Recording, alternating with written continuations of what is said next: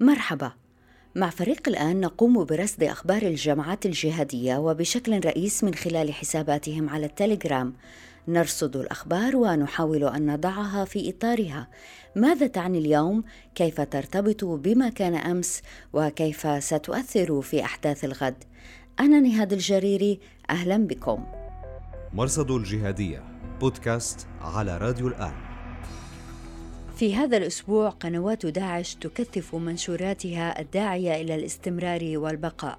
اسمعوا وعوا لئن يكذبكم الناس ويرفضوا دولتكم ويردوا دعوتكم ويستهزئوا بخلافتكم. انخفاض ملحوظ في عدد هجمات التنظيم في ولاياته المختلفة وإن لفت منها عملية في الجزائر. والمنشقون عن داعش يعيدون نشر شهادة أمني تائب تفصل زيف الإعلام الداعشي. والقاعدة تبشر بإنعاش الجهاد في كشمير الهندية. وفي هذا الأسبوع نتحدث مع الكاتب والباحث مصطفى صلاح من القاهرة. حاول التنظيم إعادة تصدير مشهد جهادي يمكنه من الحفاظ على آه، حجم البيعات التي يعني يمتلكها من خلال هذه التنظيمات الصغيرة وكذلك الأمر الحفاظ على تواجد هذه التنظيمات وعدم انسحابها إلى التنظيمات الأخرى كتنظيم القاعدة المنافس القوي لتنظيم داعش. مرصد الجهادية قنوات داعش التقليدية أعماق وناشر الدولة ومن خلال حسابات التمكين وناشر نيوز نشرت صور بيعات جديدة للخليفة الجديد من ولاية العراق ولكن بشيء من التفصيل من ديالا من دجلة كركوك وصلاح الدين. ونشرت صور بيعات من برقة في ولاية ليبيا. وتعيد هذه الأذرع نشر كلمات لأبو مصعب الزرقاوي والعدناني وواضح ضخ المواد الحماسية والتحريضية هذا الأسبوع والعنوان العريض لها سوف نمضي فجيروا في كل حي زمجيروا في كل حال. أقدموا فالموت عز نحن قوم لا نبالي. ولفت هذا الأسبوع نشر تفاصيل هجمة قام بها أنصار التنظيم في تمنراست جنوب الجزائر القريبة من مالي ونيجيريا. يقول التنظيم إن هذا الهجوم أسفر عن قتل ثمانية جنود جزائريين بعد عملية إنزال قام بها الجيش لاعتقال مقاتلين من التنظيم. صحيفة النبأ التابعة للتنظيم في عددها رقم 209 الصادر يوم الخميس 21 نوفمبر وفي الزاوية الأسبوعية حصاد الأجناد أحصت 52 عملية أسفرت عن 180 قتيل وجريح أكثرها في ولاية الشام. وهذا أقل عدد عمليات خلال الأسابيع الأربعة الماضية. في الأسبوع الذي سبق قتل البغدادي وصل عدد العمليات إلى 71 عملية. ولفت تعليق من التنظيم على ما يحدث في هيئة تحرير الشام وواجهتها المدنية المعروفة باسم حكومة الإنقاذ المسيطرة على إدلب شمال غرب سوريا. هذا الأسبوع استقالت حكومة وصوت ما يسمى بمجلس الشورى العام لصالح علي كده رئيسا لحكومة جديدة. في تعليق داعش قال هاتش أي هيئة تحرير الشام تمارس نسخة مصغرة من العملية الديمقراطية. رسائل للمجتمع الدولي أننا جاهزون لمسرحيات الحكومة المدنية مثلنا مثل غيرنا. أنا المهندس علي عبد الرحمن كده آه، كلفت اليوم من قبل مجلس الشورى بمنصب رئاسة آه، مجلس الوزراء آه، سنسعى إن شاء الله من خلال الحكومة الجديدة إلى تعزيز الخدمات التي ستقدم الحكومة إلى أهالينا في المنطقة المحررة. سنعمل على زيادة التواصل الشعبي مع الناس. مرصد الجهادية. الحساب النشط للقاعدة نشط نسبيا. هذه الأيام هو حساب القاعدة في شبه القارة الهندية. من خلال مؤسسة السحاب.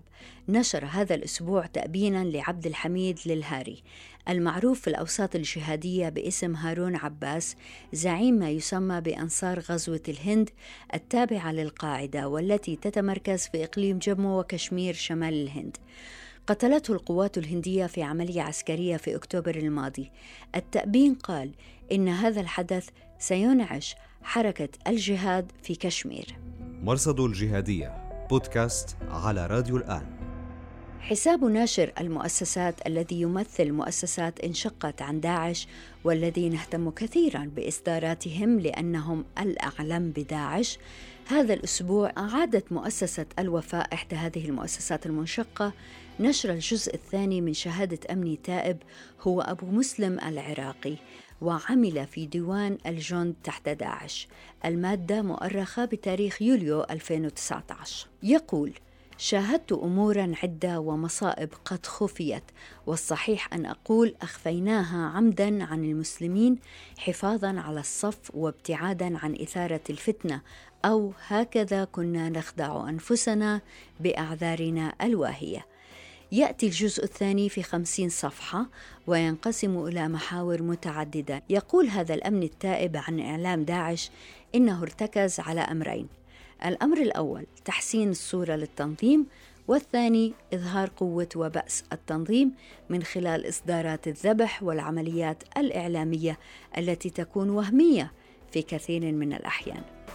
ومثالا على ذلك يستذكر أبو مسلم العراقي كيف تعامل إعلام داعش مع الهزيمة في شمال غرب العراق في أكتوبر 2014 فبالرغم من تقهقر التنظيم أمام القوات الكردية نشر إصداره الشهير صمود الأسود.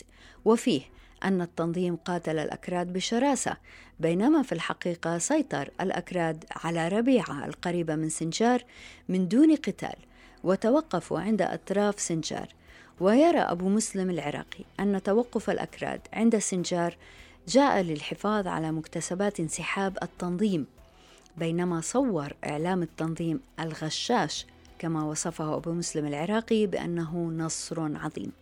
ويتابع أبو مسلم كما إن سنجار تقع في جنوب الجبل والإصدار أظهر استهداف معبد شرف الدين الإزيدي وهو في شمال جبل سنجار.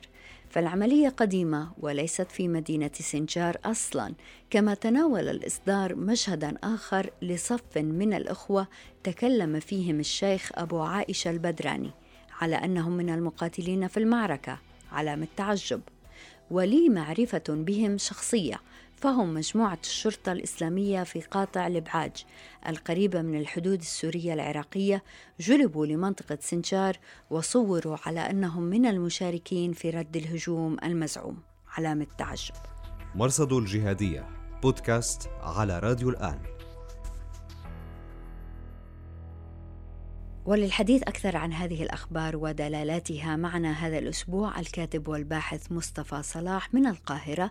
بدأت بسؤاله عن أكثر ما لفت انتباهه خلال الأيام الماضية من أخبار الجهاديين. يعني أعتقد أن الفترة الأخيرة شهدت يعني معدلات في تراجع الأخبار المتعلقة بالتنظيمات الإرهابية خاصة في ظل حالة الركود وخاصة أن هذه التنظيمات مرتبطة بصورة كبيرة بكثير من الأحداث الإقليمية والدولية وبالتالي هذا الأمر انعكس على حالة السكون فبعد مقتل البغدادي في 27 من أكتوبر الماضي شهدت الحالة الجهادية يعني حالة من السكون التقليدي الذي أعقب الذي عادة ما يعقب مقتل القيادات التنظيمية في التنظيمات الجهادية العالمية. وبالتالي هذا الأمر انعكس بصورة كبيرة على مستوى الأخبار فيما يتعلق ب تنظيم داعش الإرهابي أو التنظيمات الأخرى. هذه الحالة يعني هي إعادة التموضع أو اعاده بلورة أو إعادة السكون التي الهدوء الذي تسبق العاصفه فيما يتعلق باعاده ترتيبات البيت الجهادي سواء في تنظيم داعش أو التنظيمات الأخرى الموالية له. أو تنظيم التنظيمات الأم كتنظيم القاعدة أو بعض تيارات الإسلام السياسي التي من المحتمل أن يعني يؤثر عليها مثل هذه الإجراءات. دكتور مصطفى كيف بتفسر هذا العدد من العمليات اللي بيقوم فيها التنظيم والخسائر اللي بيتسبب فيها خاصة في ولايات إفريقيا؟ أعتقد إن بعد مقتل زعيم التنظيم أبو بكر البغدادي حاول التنظيم الحفاظ على الكثير من الولايات التابعة له فيما يتعلق ب ضمان التواجد في الكثير من المناطق ذات النطاقات الجيوستراتيجية الهامة للتنظيم سواء في الأحزمة الأمنية الضعيفة في أفريقيا أو في آسيا في ولاية خراسان أو في في نيجيريا في الساحل الأفريقي. كل هذه المناطق ذات حزام أمني ضعيف وبالتالي حاول التنظيم إعادة تصدير مشهد جهادي يمكنه من الحفاظ على حجم البيعات التي يعني يمتلكها من خلال هذه التنظيمات الصغيرة. وكذلك الأمر الحفاظ على تواجد هذه التنظيمات وعدم انسحابها إلى التنظيمات الأخرى كتنظيم القاعدة المنافس القوي لتنظيم داعش. وبالتالي كان من كان من الواجب على التنظيم وفق ايديولوجيته الحاكمة أن يعني بلورة مشهد جهادي أو قيام التنظيمات الفرعية بعدد من العمليات خاصة وان الإعلان عن الخليفة الجديد جاء بعد أربعة أيام من مقتل التنظيم. وهذا الأمر يعني يبلور مشهد جديد في أن التنظيم عازم على استمرار استراتيجياته فيما يتعلق بالتحولات الإقليمية والداخلية سواء على مستوى بنية التنظيم أو في في مسار حركته في سوريا أو العراق أو الكثير من المناطق التي ينتشر بها. وبالتالي أعتقد أن التنظيم يحاول لملمه صفوفه من جديد أو إعادة ترتيب بيته من الجديد من جديد للخروج إلى النور خاصة أن شعار التنظيم هو باقية وتتمدد وليس مقتل مقتل قائد التنظيم يعني نهاية التنظيم.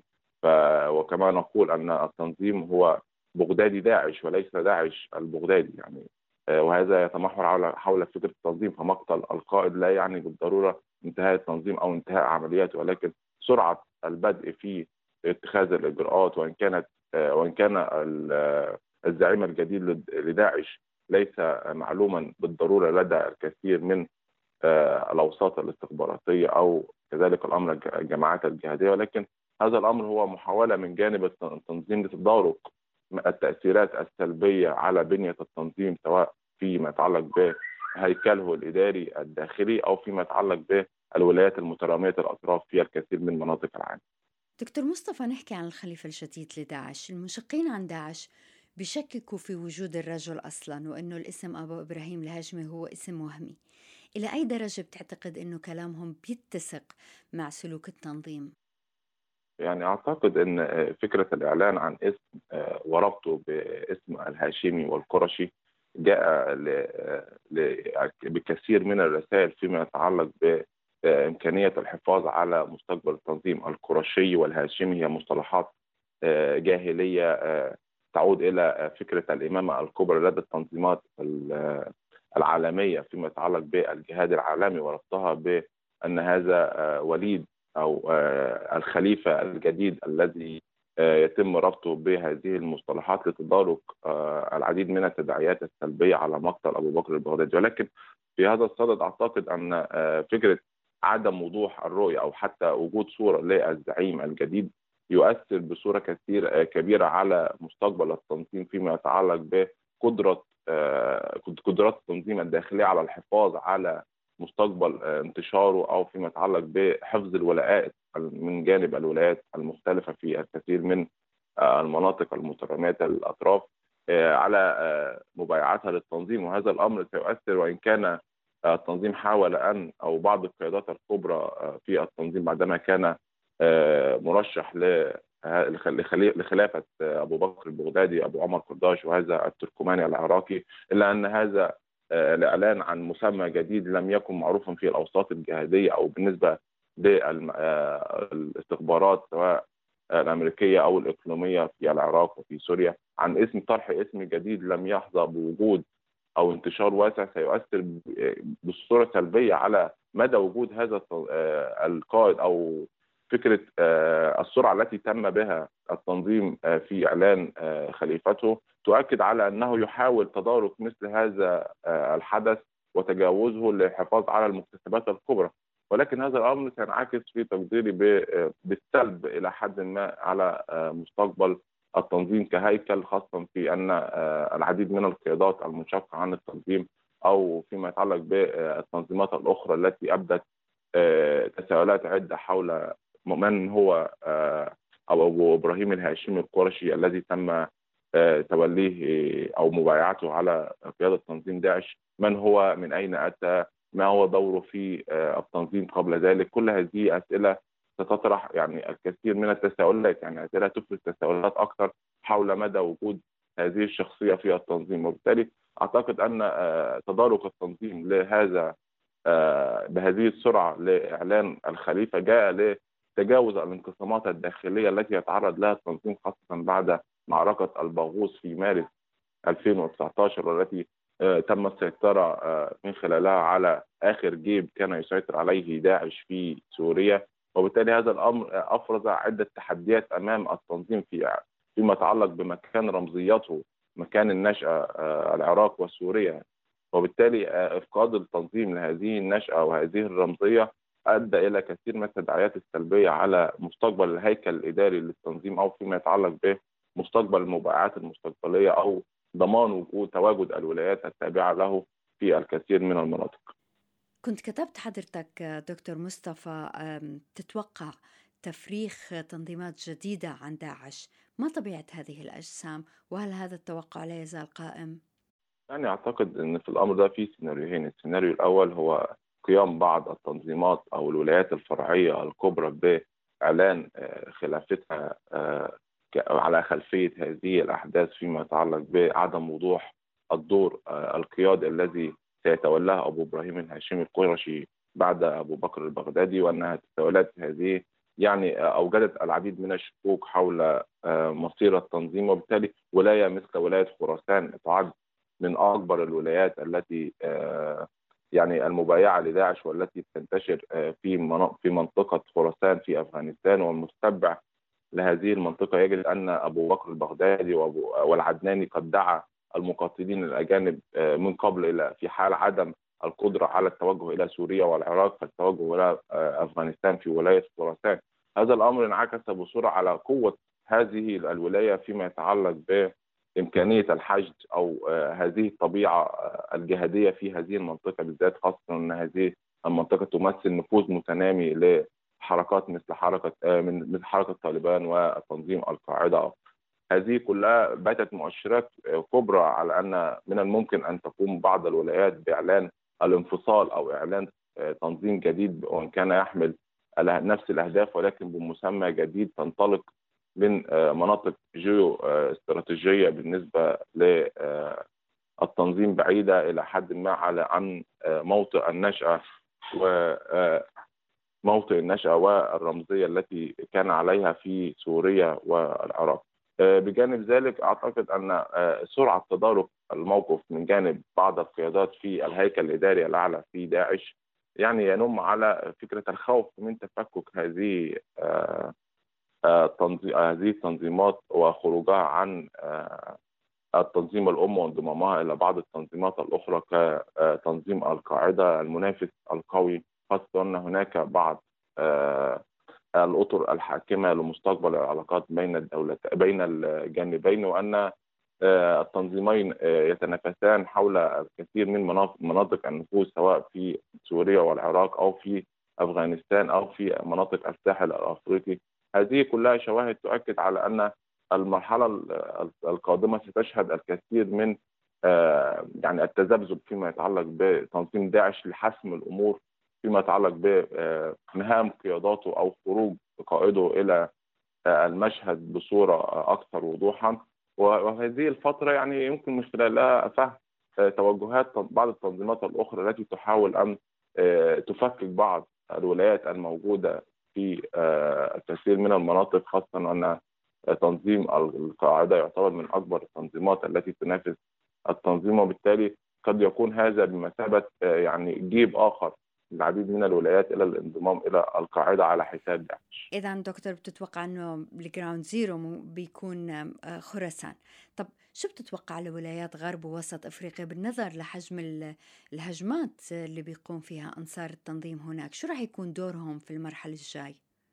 أعتقد إن التنظيم يبحث عن عمليات نوعية في هذه الفترة يمكن من خلالها إثبات مدى حضوره وتواجده ليس فقط في مناطق أفريقيا ولكن الامر سيمتد إلى الكثير من الدول الأوروبية خاصة وان هناك شقين للتنظيم بعض التنظيمات التابعة له على المستوى الإداري أو بعض المجموعات غير التنظيمية والمتمثلة في وجود بعض الأفراد مثل توجهات الذئاب المنفردة في الكثير من الدول التي من خلالها يتحرك التنظيم في الدول الأوروبية. هذه الأمور ستؤدي إلى يعني محاولة التنظيم إلى إثبات حضوره وتواجده الفعلي على الأرض من خلال الاستهداف وإن كان الاستهداف سيكون عشوائيا فيما يتعلق بتفجير بعض المناطق ذات الأهمية أو حصول على الأراضي الجهادية الجديدة خاصه بعد الانكسار والانتكاسة التي أصيب بها التنظيم سواء فيما يتعلق بعملياته العسكرية في العراق بعد معركة الموصل وفي سوريا بعد معركة الباغوث. أو فيما يتعلق بامكانيه السيطرة على أراضي جهادية في بعض الولايات المتراميه الأهداف في أفريقيا ذات الحزام الأمني الضعيف في ظل انتشار الكثير من مسببات أو مهددات الأمن التي يترعرع عليها بعض التنظيمات المتطرفة مثل داعش والقاعدة. وبالتالي إيجاد حاضنة جديدة للتنظيم من خلال هذه الولايات. هو يعني انتصار مزيف. فهذه المناطق يعني بالضرورة تتعرض للكثير من الضغوط فيما يتعلق بانتشار انتشار الحروب الأهلية بين الجماعات هنالك أو فيما يتعلق بتراجع مستوى التعليم وانتشار الجهل كذلك غياب التنمية الاقتصادية وبالتالي يجب تجد التنظيمات المتطرفة وخاصة تنظيم داعش يعني فرصة في هذه الأماكن لإعادة الانتشار أو إعادة التموضع من جديد من خلال تنفيذ عمليات أو من خلال إعادة التموضع سواء في أرض جهادية جديدة أو الانطلاق منها إلى الكثير من الولايات المترامية في سيناء أو في ليبيا أو في غيرها من المناطق التي تشهد حالة من يعني غياب الأمن بالمفهوم التقليدي. دكتور مصطفى أين القاعدة من كل ما يجري سواء البغدادي الخليفة الجديد هيئة تحرير الشام أين القاعدة؟ أعتقد أن تنظيم القاعدة يتحرك بصورة أكثر رشادة من تلك التحركات التي يقوم بها داعش. القاعدة يهتم بحشد النفوذ أو السيطرة المكانية. وإن كانت ضعيفة في ظل بروز أو بزوغ نجم التنظيم الجديد وأن داعش كان امتدادا للقاعدة من قبل قاعدة الجهاد في العراق.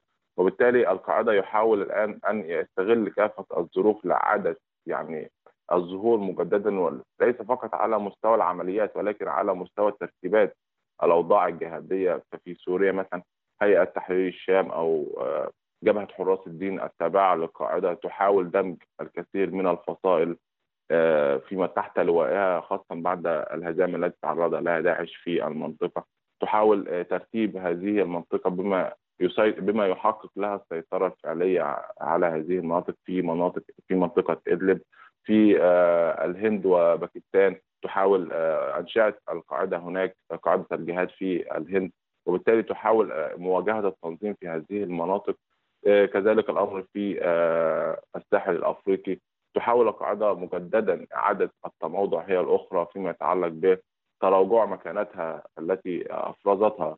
العمليات النوعية التي قام بها داعش. ولكن في هذا الصدد أعتقد أن فكرة اندماج بعض التنظيمات الجهادية كان التي كانت في الأخير تابعة لتنظيم داعش سيؤدي إلى يعني عدة يعني مناوشات ما بين الجانبين خاصة أن هناك اختلاف جذري ما بين القاعدة وداعش فيما يتعلق بالعقيدة والفكر ومستوى الحركة.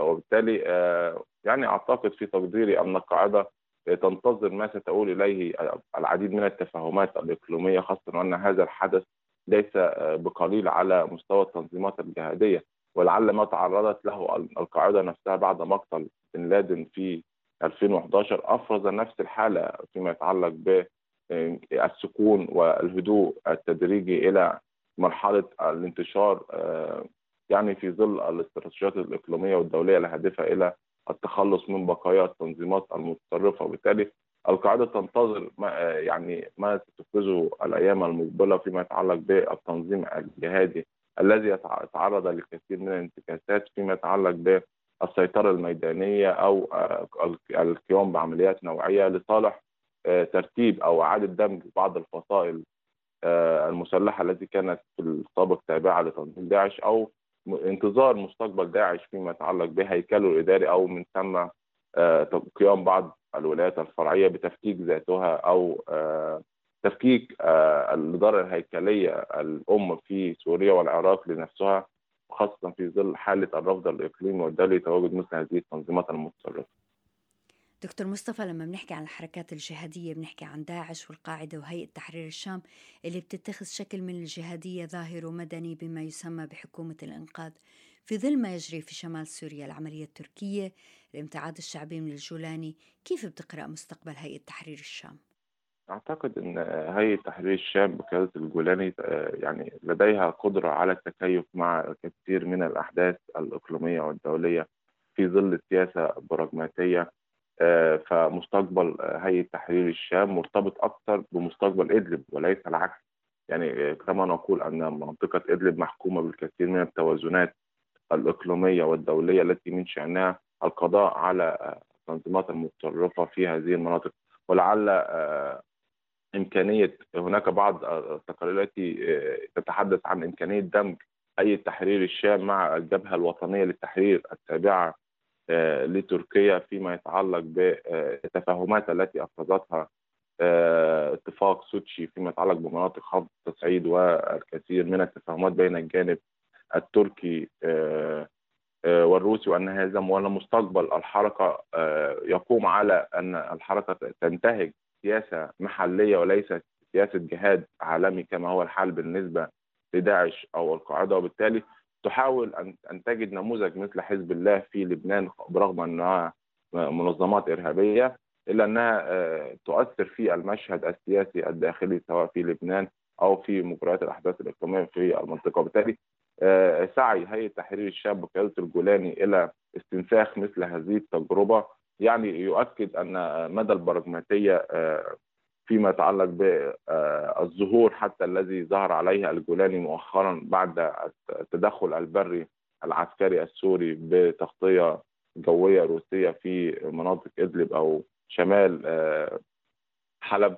هذه المناطق كلها كانت في السابق تخضع لسيطرة هيئة تحرير الشام ولكن هيئة تحرير الشام تعي مدى دخول هذه القوات إلى هذه المناطق وأنه في حال المساس بمستقبل المناطق التي تسيطر عليها الهيئة سيؤدي ذلك إلى بلورة مشهد جديد سواء فيما يتعلق بحكومة الإنقاذ التي تتم بين حراس الدين أو إمكانية التعامل أو التعاطي مع حراس الدين أو جبهة نور الدين الزنكي أو حركة أحرار الشام وصقور الشام. كل هذه الأمور ستبديها الهيئة يعني ستبدي الهيئة هامش الحركة أو هامش التفاهمات بين الفصائل الجهادية خاصة أن الهيئة تعتبر أكبر المكونات وأكثر المكونات التي تستحوذ على الأراضي في سوريا وفي وبالتحديد في منطقة إدلب ومن ثم الانطلاق إلى التفاهمات وبالتالي الهيئة مستقبلها مرهون بما ستفرزه وقائع الأمور سواء الميدانية أو في الداخل السوري أو فيما يتعلق بالتفاهمات الإقليمية والدولية خاصة ما بين روسيا وتركيا. دكتور مصطفى صلاح الباحث والكاتب المصري شكرا جزيلا لوجودك معنا بهاي الحلقة. شكرا لحضرتك.